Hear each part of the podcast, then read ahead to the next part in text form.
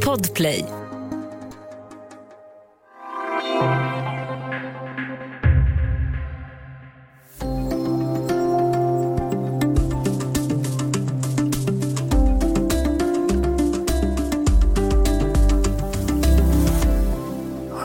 Skönhet är hårdvaluta för många ryska kvinnor. Den ryska kosmetikabranschen är enorm och traditionella utseendeideal får betydelse både på arbets och äktenskapsmarknaden. Hur påverkar det ryska kvinnors vardag och vad tycker den yngre generationen? Välkommen till Studio DN med mig, Ylke Holago.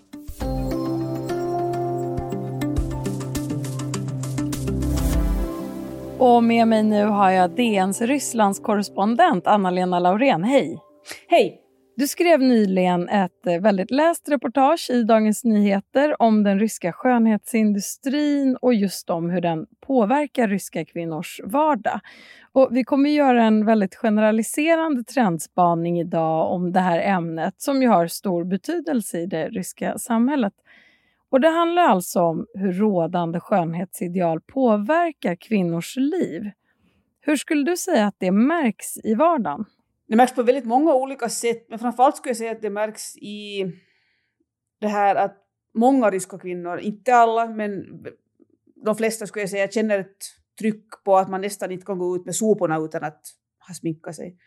Och så fort man går ut genom dörren så representerar man sig själv och, och det, det är viktigt att liksom så många har sagt till mig att man respekterar sig själv genom att se bra ut. Att den kvinna som inte uhashivat, som man säger, sig, som inte sköter om sig, så respekterar inte sig själv. Och det är liksom det värsta av allt. Sen skulle jag också säga att det manifesteras väldigt mycket i att även om det å ena sidan pågår väldigt mycket förändringar i samhället nu, alltså det ryska samhället håller på att bli, tycker jag, mycket mer jag vet inte om jämlikt är rätt ord att använda, men liksom det europeiseras ganska mycket, det blir modernare och det gäller även synen på kvinnor och skönhet. Så är det, jag upplever att, att många ryska kvinnor accepterar sexism på ett annat sätt än till exempel vi gör i Norden. Man uppfattar det nästan som att det lite hör till det här att kvinnors utseende ska kommenteras och att kvinnor ska dömas på basis av sitt utseende. Och det handlar om att man liksom på sätt och vis har, man har, man har internaliserat den här manliga blicken. Det tycker jag fortfarande är väldigt vanligt här. Och om vi tittar närmare på industrin bakom, vad handlar det om för summor? Hur märks det här i pengar och i ekonomiska termer? Ja, alltså många ryska kvinnor lägger ju ner väldigt stora summor på olika skönhetsbehandlingar. Och väldigt många i min bekantskapskrets så, så går till kosmetologen regelbundet. Alltså de kan gå till exempel en gång i veckan till och med. Man går till frisören kanske flera gånger i månaden. Det här är inte alltid personer som har jättehög lön, utan det handlar om att man ser det som naturligt att man lägger ner en ganska stor del av sin inkomst på att se bra ut. Och om man liksom tycker att det ska... Jag hade bekant till mig, hon är från Kirgizistan, men hon är förstås, har omfattat det här idealet och hon skickar hem pengar till sin familj regelbundet och, och hon säger att hon, hon, tycker inte att hon kan skicka lika mycket som till exempel män, därför att alla måste förstå att hon är en kvinna, hon måste köpa smink och hon måste se bra ut. Och, alltså, jag började gapskratta när hon sa det, men för henne var det inte alls roligt. Utan det var liksom en, en, en realitet. Att det är någonting som du, som du själv betalar för, för att det, då investerar man i sig själv. Vilka är de vanligaste attributen som utmärker det här breda mainstream skönhetsidealet som råder just nu? Ja, det är bra att du uttrycker frågan så, för det är ju alltid, som du själv konstaterar, lite besvärligt när man generaliserar eftersom skönhetsideal har ju breddats trots allt väldigt mycket i Ryssland, skulle jag säga, på senare år. Men, men fortfarande så finns det nog ett mainstream-ideal att man ska ha långt hår och man ska vara smal och, och man ska liksom klä sig på ett kvinnligt sätt. Det, det skulle jag säga är det vanligaste. Och att man ska vara sminkad. Och det är fortfarande den kommentar som jag oftast får. Jag är dålig på att sminka mig. Och det kommentaren, den kommentaren får jag fortfarande ofta. Att, men varför sminkar du dig inte? Alltså verkligen så här att människor det är alltid kvinnor, jag har aldrig hört det men det är alltid kvinnor som undrar, de de är så bekymrade. Men varför sminkar du dig inte? Vad brukar du svara då? Att det, jag tycker inte att det är viktigt. De förstår inte riktigt vad jag menar, hur kan det inte vara viktigt? Men sen har jag, den absolut roligaste kommentaren på det här är ju en, en annan kollega till mig, en, en finländsk kvinnlig journalist som, är, som, har varit, som har varit korrespondent här och är mycket här fortfarande och, och hon får alltid höra att hon borde göra si och så för att se yngre ut och då frågar hon varför borde jag se yngre ut? Och det är en fråga som liksom gör folk otroligt häpna i Ryssland. För att det här tycker jag är något som är jätte, jättestarkt i hela det här utseendet, det här, här att kvinnor ska alltid se yngre ut än vad de är. Alltså den här, just kvinnor och, och att, att man det fortfarande uppfattas som oartigt av många att fråga en kvinna om hennes ålder. Vilket för mig ärligt talat är ganska mossigt. men, men, men, här är det på något sätt, man, man tassar lite runt det så här, att, att hur gammal är kvinna? Oj, det är ofint att prata om det. Och det blir lite komiskt ibland verkligen. Men det här du beskriver det är också eh, universellt. Utseendeindustrin är ju stor i hela världen och diverse skönhetsingrepp blir allt vanligare i fler åldersgrupper och det gäller ju även i Sverige. Och nu pratar jag generellt för kvinnor men det ökar ju även bland män. På vilket sätt är Ryssland unikt i just den här utvecklingen? Alltså jag skulle säga att jag skulle till och med säga att Ryssland kanske inte är så unikt utan Ryssland går bara i spetsen för det här. Alltså, det är en intressant sak att när det gäller skönhetsideal alltså följer Ryssland väldigt, tycker jag, tätt med USA. Alltså det är de här blekt, blekta, de här liksom vit, glänsande, snövita tänderna som ser helt onaturliga ut i, i våra ögon. Och, och silikonläppar och ofta silikonbröst. Och, och, och, att man lyfter en massa saker i, i ansiktet. Om jag ska vara helt ärlig så tycker jag alltså jag, jag har nog funderat över det här, fast jag ännu en gång vill poängtera att det har diversifierat sig ganska mycket, men mainstream-idealet ser ut så här. Och jag har lite svårt att förstå det, för jag tycker att det här är annars ett land där människor tycker om att liksom vara annorlunda. Alltså, det finns ett uttryck på ryska att man ska se järkaja ut, att man ska, järkaja betyder liksom färggrann, man ska vara stilig, att man ska vara... Och det finns också, men, men, men för många så verkar det på något sätt vara lika med att man ska ha de här ankläpparna och, och silikonbröst och, och det här botoxansiktet. Jag, jag, för mig hänger det inte ihop, för det passar inte alls för mig i den här, med den här övriga ryska kulturen, som, som inte, det jag inte tycker att det är speciellt där det, det är likriktning, utan tvärtom ska man liksom se annorlunda. Man ska liksom vara annorlunda, man ska uttrycka sig. Ryssland är ju ett väldigt stort och mångfacetterat land. Hur skiljer sig de här idealen åt mellan stad och land och mellan olika samhällsgrupper och så? Vad ser du för skillnader? Det ser man en mycket stor skillnad i stora städer, där det börjar finnas en ganska stor klass eh, kvinnor mellan låt oss säga 20 och 40 kanske som, som eh, ofta, eller de, de kan ha barn och de kan inte ha barn, men det är liksom yrkeskvinnor som har en yrkesroll och som klarar sig själva. Eller som studerar. Och många har ju skippat det här.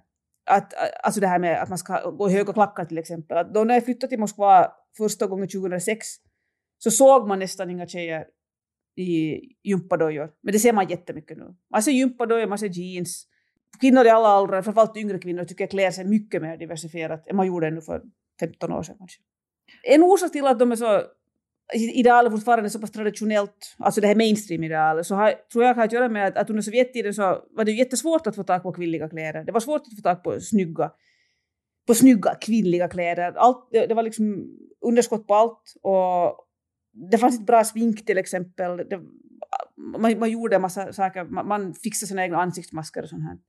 Jag, jag brukar ofta säga till mina kompisar att kan du liksom lämna det här nu, att det gått 30 år och Sovjet är borta. Att, att liksom de lever i en annan verklighet, men fortfarande märker jag jättestarkt att det, det påverkar. Liksom, att, att, och, och det gör att man på något sätt automatiskt har lite det filmstjärneidealet fortfarande. Du har nämnt här att skönhetsidealen är i viss förändring såklart. Och det nämnde också dina intervjupersoner i ditt DN-reportage där du pratade med en influencer, en forskare och en politiker som också definierar sig som feminist. Men vad kan vi lära om det samtida Ryssland utifrån det skönhetstryck som än idag finns på kvinnor? Att det är ett klassamhälle. Att det är ett klassamhälle och, och som kvinna är man hela tiden då i underläge. För det här är, det här är liksom ett, ett ganska manschauvinistiskt samhälle, har, har varit det länge och är det fortfarande. Då liksom hanterar många kvinnor det här genom att använda liksom patriarkatets egna verktyg mot dem. Att man liksom då skapar sig en roll och en plattform och gör sig mäktig genom sitt utseende, genom att vara på ett visst sätt. Vi ska ta en kort paus och sen prata vidare om hur den yngre generationen ryska kvinnor ser på traditionella utseendeideal.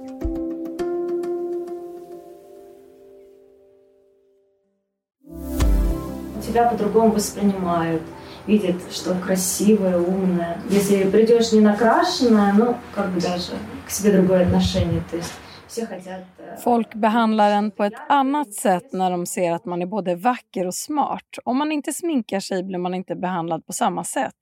Alla vill att man ska vara snygg, intressant, välvårdad och vacker. Så är det i Ryssland, av någon anledning.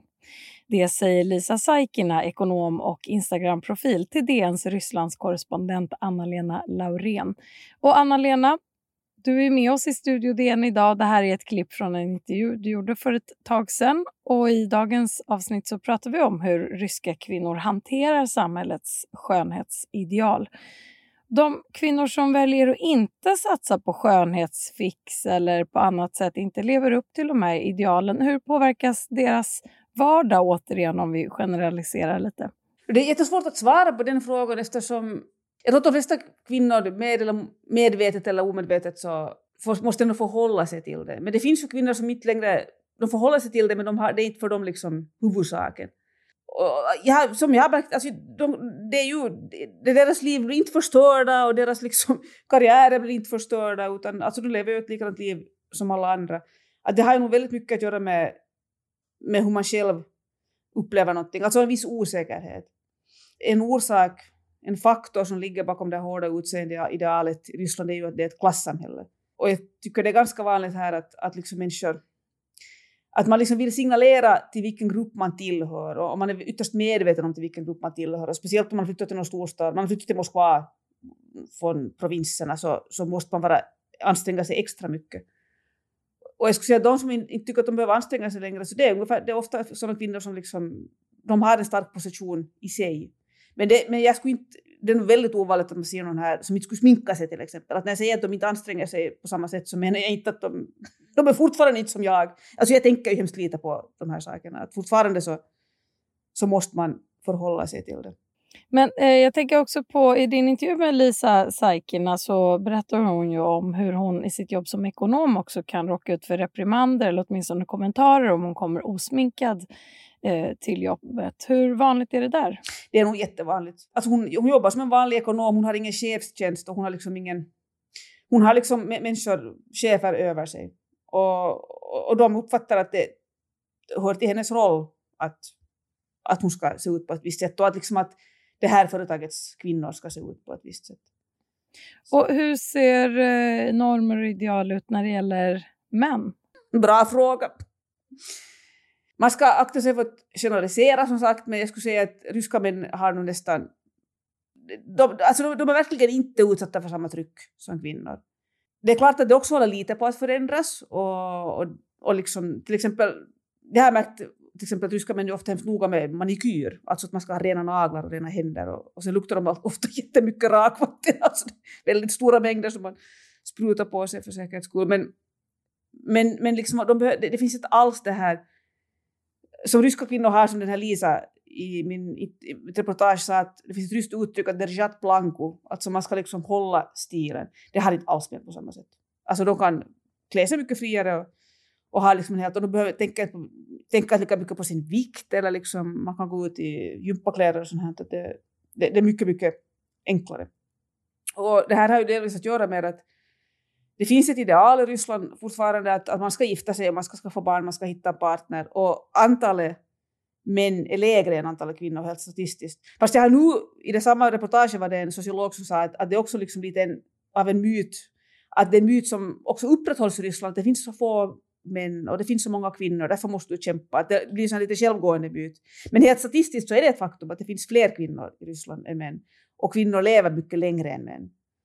Och det är mycket större konkurrens kring män, så det gör på något sätt att, att, att de inte behöver anstränga sig lika mycket. Du skrev nyligen ett reportage i Dagens Nyheter om just det här med eh, skönhetsidealen och trycket på kvinnor. Och där låg fokus mer på makeup och hår, de här lite mer vardagliga eh, insatserna som många kvinnor gör och eh, spenderar pengar på. Men det handlade inte så mycket om injektionsbehandlingar och skönhetsoperationer som ju också är en växande trend. Hur valde du eh, den här vinkeln? Nu, jag ville kanske ha just en, en tjej som... Vi har redan gjort om de här skönhetsoperationerna och det, och det är liksom lite en sak för sig på sätt och vis. Alltså det, eller, alltså det, det, det är väldigt vanligt här, det blir vanligare hela tiden. Men samtidigt så vill jag visa att det finns också ganska många unga kvinnor här som den här Lisa Saikinen som, som inte vill operera sig och som inte, inte liksom och som egentligen tycker att kvinnor ska inte behöva tänka på sitt utseende hela tiden. Det är inte, alltså det är inte, de vill inte bli modeller och utseende är inte alltid hela världen för dem. Men de vet att det är ett vapen, det är ett sätt att ta sig fram.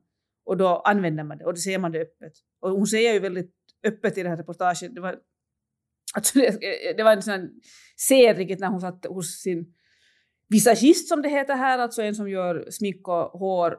Och hon som heter Xenia och Xenia hade fixat till henne och så tittar hon sig i spegeln och så säger hon krasotka, snygging. Hon säger det på ett självklart sätt, alltså det är helt okej att berömma sig själv. Uh, och, och, då sa hon inte, det var, det var, hon sa det inte på, för att vara egenkär utan hon bara konstaterade att det här var det resultatet som, var, som hon skulle ha. Att, uh, många ryska kvinnor hade en ganska krass och, och, mycket konkret syn på vad det här handlar om. Och, och hon, sa, hon, hon är också en kvinna som egentligen inte skulle vilja, hon vill ju inte att det ska vara så här. Hon, hon tycker inte att hon måste gå och sminka till jobbet hela tiden. Och det är viktigt att få fram att, att, det, att det liksom breddas hela tiden det här skönhetsidealet. Och, och det är allt fler, framförallt yngre kvinnor i Ryssland som inte längre tycker att det är, så, att det är okej okay med, med de här väldigt hårda kraven.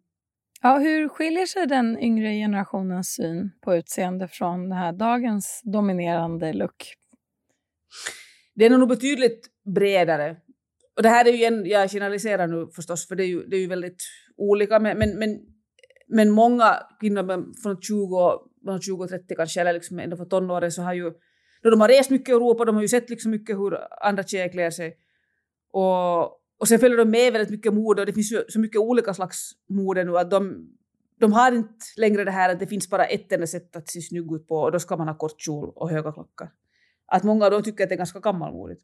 Hur tror du att det kommer att påverka utvecklingen och idealen här framöver? Man, man, de blir säkert konservativare med åldern antar jag, men, men, det, men fortfarande så... Jag tror att Ryssland kommer att gå hand i hand med väst i det här, men samtidigt ändå hålla sig på sin kant och samtidigt hålla fast vid det här, vid de här konservativa idealen och, och de här patriarkaliska värderingarna som, som många här är ganska stolta över. Men man blir ändå hela tiden påverkad. Och det är en sak som jag tycker är viktigt som inte bara gäller utseendeideal. Att jag tror att många inte förstår i väst hur otroligt påverkat Ryssland ändå hela tiden är av väst. För att vi ser nu bara den här Putin-regimen och vi ser och, och, och, vad de håller på med. Men, men, men som ett land är det här, det är ju ett öppet land i sig. Alltså det finns internet nästan helt fritt och ryssar reser. Nu under covid har man inte kunnat resa så mycket men, men liksom före det. det Ryssland är ju, människorna här är ganska öppna mot världen, mer öppna än vad vi tror. Tack Anna-Lena Laurén, Rysslands korrespondent på Dagens Nyheter. Om du vill kontakta oss på Studio DN går det bra att mejla på studiodn dn.se. Studio DN görs för Podplay av producent Sabina Marmelakai, ljudtekniker Patrik Miesenberger, tekniker Jonas Lindskov, Bauer Media och jag heter Ylke Holago.